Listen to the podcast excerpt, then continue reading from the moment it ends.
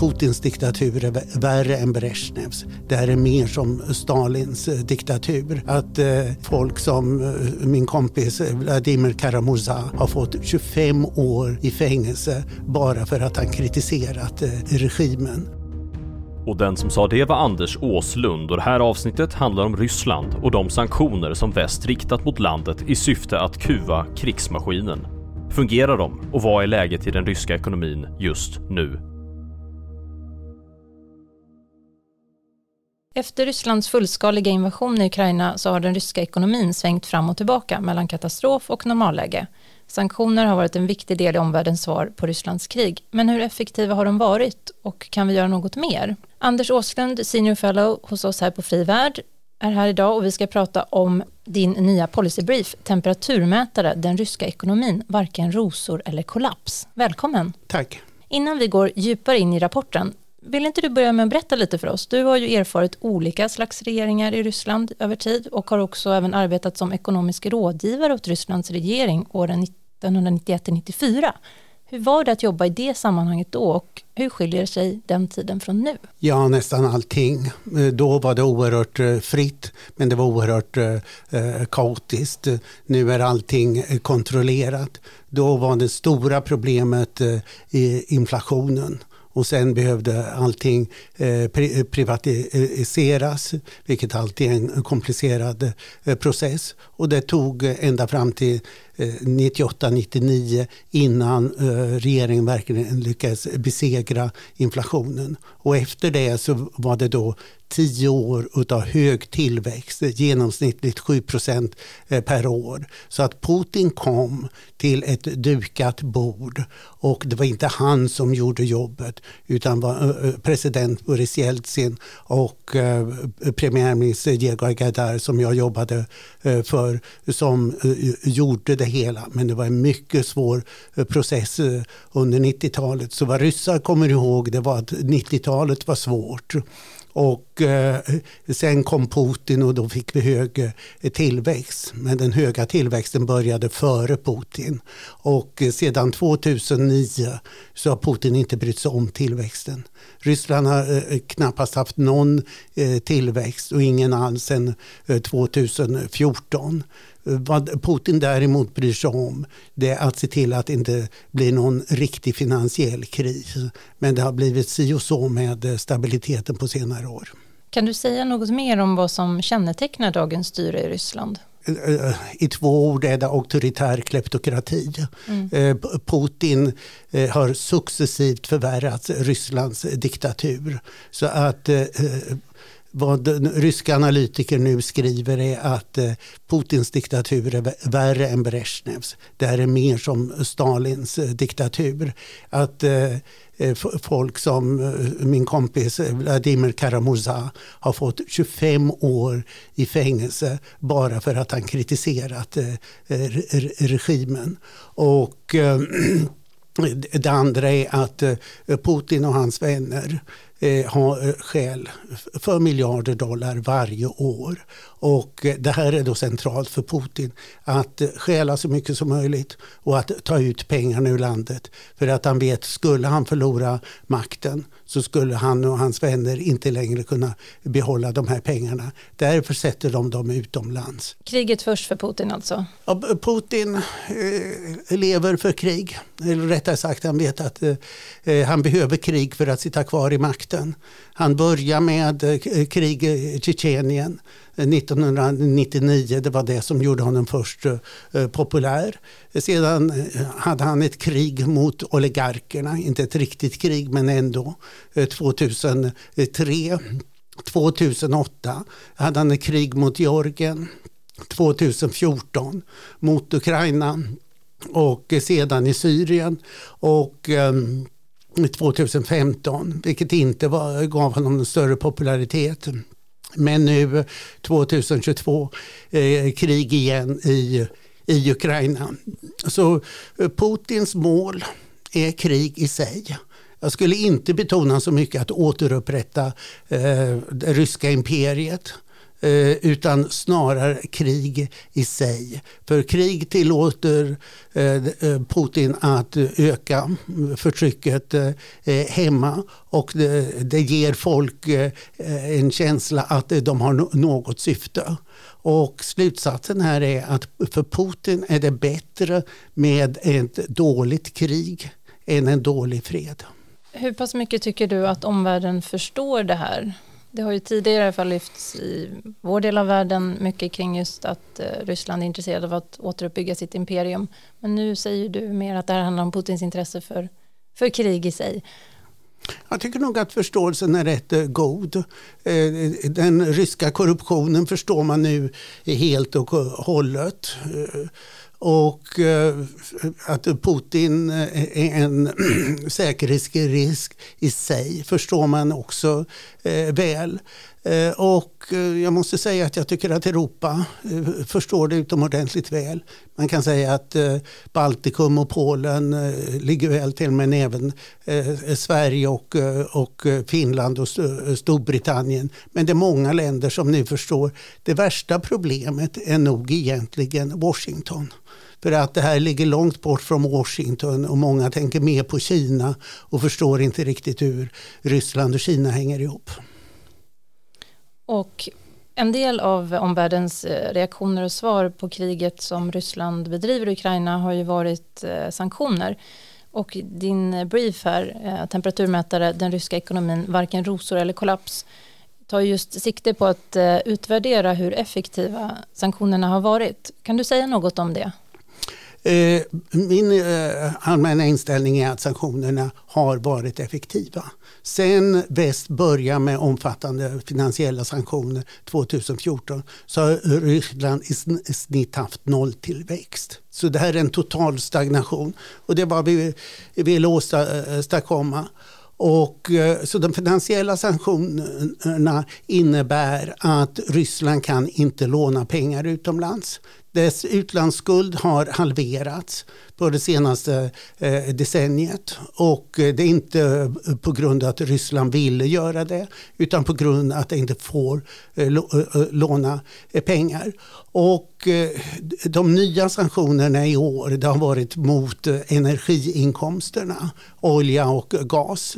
Eh, vilket innebär att man eh, har eh, från Europas sida kraftigt skurit ned importen av gas från Ryssland. Vilket innebär att Ryssland inte kan tillverka gas längre. För att den kan bara exporteras genom pipelines till, till Europa. Och eh, produktionen har nu tvingats ner till ett läge som eh, eh, var på 1970-talet.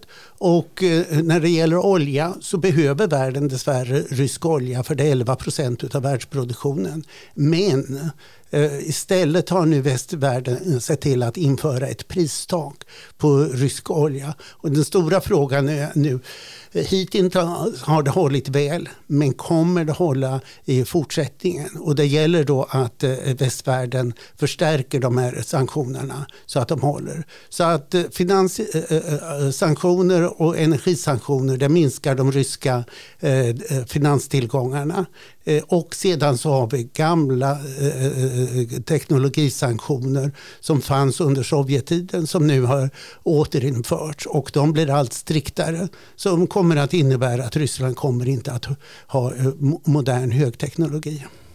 Just det, för du tar ju upp det i din rapport här att att eh, Ryssland på sikt också riskerar att bli, eh, ja, eh, riktigt gå, en, gå tillbaka i utvecklingen vad gäller tekniken. Kan du säga lite mer om det, vad det kan innebära i praktiken? Ja, I praktiken ser vi redan att bilproduktionen i Ryssland är nu totalt undermålig. För att det här är då inte ett prioriterat område. Utan man går tillbaka och tillverkar sovjetiska bilar och ger dem till och med gamla sovjetiska namn som Moskvich. Eh, och eh, å andra sidan så har man fortfarande tillgång eh, till eh, eh, halvledare eh, för missilerna. Och eh, som, precis som under Sovjettiden, man eh, ser till så att man eh, använder den högteknologi man får först och främst inom de viktigaste militära områdena. Men lyckligtvis får de så lite så att det successivt minskar det militära hotet från Ryssland. Vi har ju också situationen där Ryssland ganska nära i tid efter krigets början gick in och tog över kontrollen över utländska företag i Ryssland. Kan du beskriva hur det gick till? Ja, det, det är viktigt. Eh, eh, det, ett, totalt var väl de västliga investeringarna i Ryssland 500 miljarder dollar. Och det är alltså investeringar i företag, inte i statspapper eller obligationer. Och eh, hittills så uppskattar Financial Times att ryssarna har tagit över eller rättare sagt eh, orsakat förluster om 100 miljarder dollar. Och eh, de övriga 400 miljarder dollarna kommer nog också att försvinna. Förra året så hade västliga företag i Ryssland eh, vinster om 18 miljarder dollar. Men de får de inte ta ut. Så till exempel Raiffeisen, den eh, österrikiska banken, hade eh, de största vinsterna om 2 miljarder dollar och de är nu, nu frusna i Ryssland. Och då frågar man sig varför bedriva affärsverksamhet under sådana villkor. Så att det här kommer successivt att förvärra situationen i Ryssland. Men de som tar över företagen det är Putins eh, vänner och de vet inte hur man sköter sådana här företag så att det kommer eh, att leda till att den ryska ekonomin blir sämre och sämre. Du föreslår ju också ett antal åtgärder ehm, vad väst kan göra mer. Eh, och du lyfter bland annat att sätta tryck på länder som inte är med på sanktionerna idag mot Ryssland. Ehm, hur ska det här gå till rent konkret? Vilka länder kan ta ledningen i att driva på det i så fall? Eh, det intressantaste landet just nu är Kazakstan som just har lovat att de ska gå med på de västliga sanktionerna mot eh, Ryssland. Och eh, i all bedrövelsen i Armenien så innebär det här två saker. Att Ryssland kan man inte lita på Eh, i, i fråga om säkerhetspolitiken och då kan man inte lita på det i ekonomiska frågor heller. Så att jag tror att eh, det fruktansvärda debaclet i eh, i Armenien att det kommer att leda till att den ryska säkerhetspakten Collective Security Treaty Organization kommer att försvinna. Det är ett halvdussin länder som är med i den. Och likaså den Eurasiatiska ekonomiska unionen som också har ett halvdussin länder. Eh, Armenien och Kazakstan är med i bägge. Och eh, jag tror att eh, Armenien kommer att vara det faktum som får eh, Kazakstan att dra sig ur bägge. Och utan Kazakstan så kommer bägge eh, organisationerna att eh, försvinna.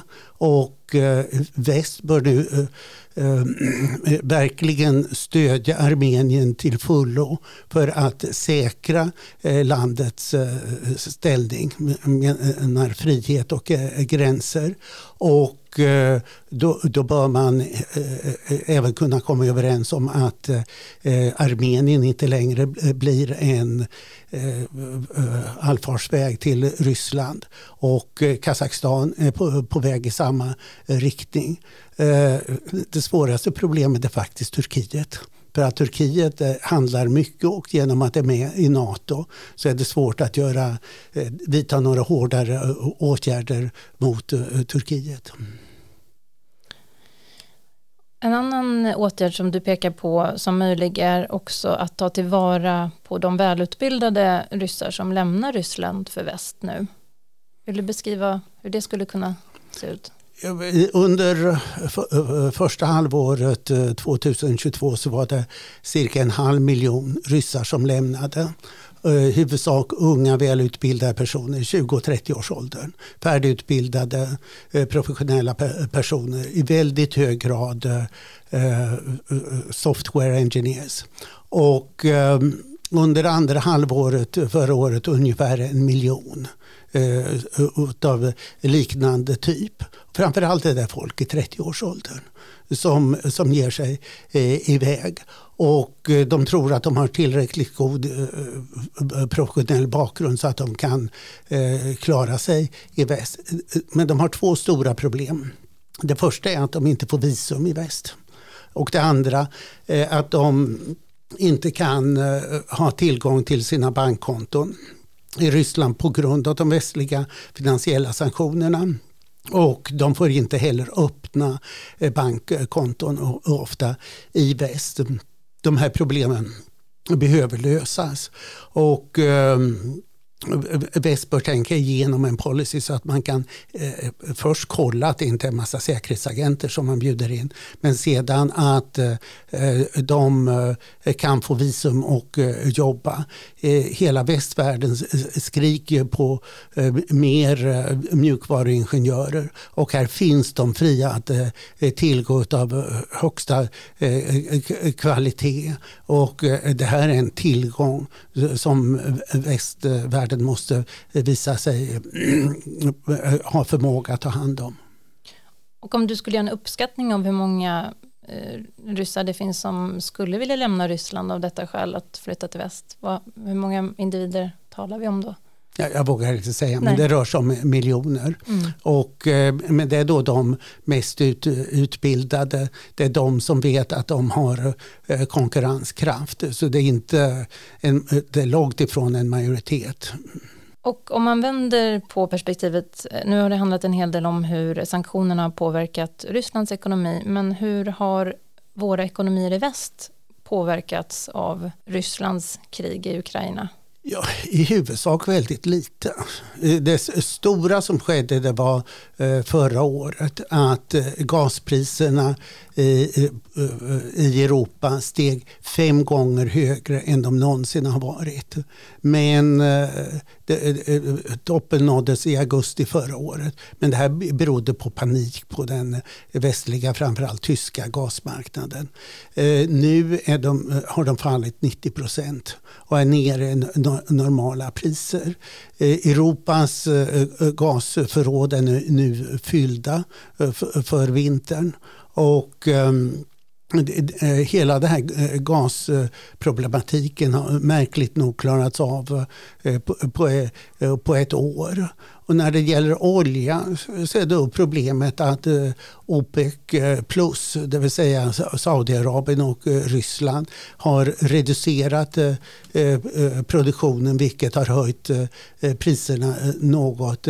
Väst måste se till att de ryska priserna sänks. Man kan göra det på, på många olika sätt genom att försvåra handeln med rysk olja. Och om vi blickar lite längre framåt, hur ser du på Rysslands långsiktiga möjligheter att någon gång i framtiden, efter Putin möjligtvis, återvända till det som var före kriget i Ukraina? Jag tror att eh, Ryssland måste gå igenom en total förändring. Mina ryska liberala vänner eh, talar nu om att eh, det bästa som kan ske i Ryssland är en kapitulation eh, som Tyskland och Japan eh, 1945. Och när man sagt det så måste man genast tillägga en kapitulation innebär inte nödvändigtvis att eh, eh någon invaderar Ryssland utan att eh, den ryska krigsmakten eh, förlorar. eh, Eh, blir ordentligt besegrad i Ukraina. Och egentligen är det en sak som behöver ske. Det är att Ukraina tar tillbaka kontrollen över eh, Krimhalvön. För att eh, det kommer då att bli, visa klart att Ryssland har förlorat kriget. Man behöver inte ta över hela området utan om det sker, då har Ryssland förlorat kriget, då kan man dra sig tillbaks. Och sen så får man se vad som sker i Ryssland. Det kommer att ske ett totalt omtänkande eh, då i Ryssland. Men för att underlätta det här så bör vi eh, vända perspektivet så att vi eh, sätter mm, Ukraina först. Det är Ukraina som ska räddas eh, först. Ukraina är redan en demokrati och marknadsekonomi eh, nu eh, och har god makroekonomisk stabilitet. Men nu måste man ta tillbaka hela territoriet och få, få fred och säkerhet i landet. Det innebär att Ukraina måste med i NATO. Eh, Europa kommer inte att ha en hållbar fred innan Ukraina har vunnit kriget och eh, kommit eh, med i, i NATO. och sedan måste man fortsätta den juridiska och ekonomiska utvecklingen. Då kommer ryssarna att se att det här är ett riktigt alternativ. Och framförallt när Ukraina kommer med i EU, vilket kommer att ta några år. Men eh, jag tror att det kommer att ske och det bör ske.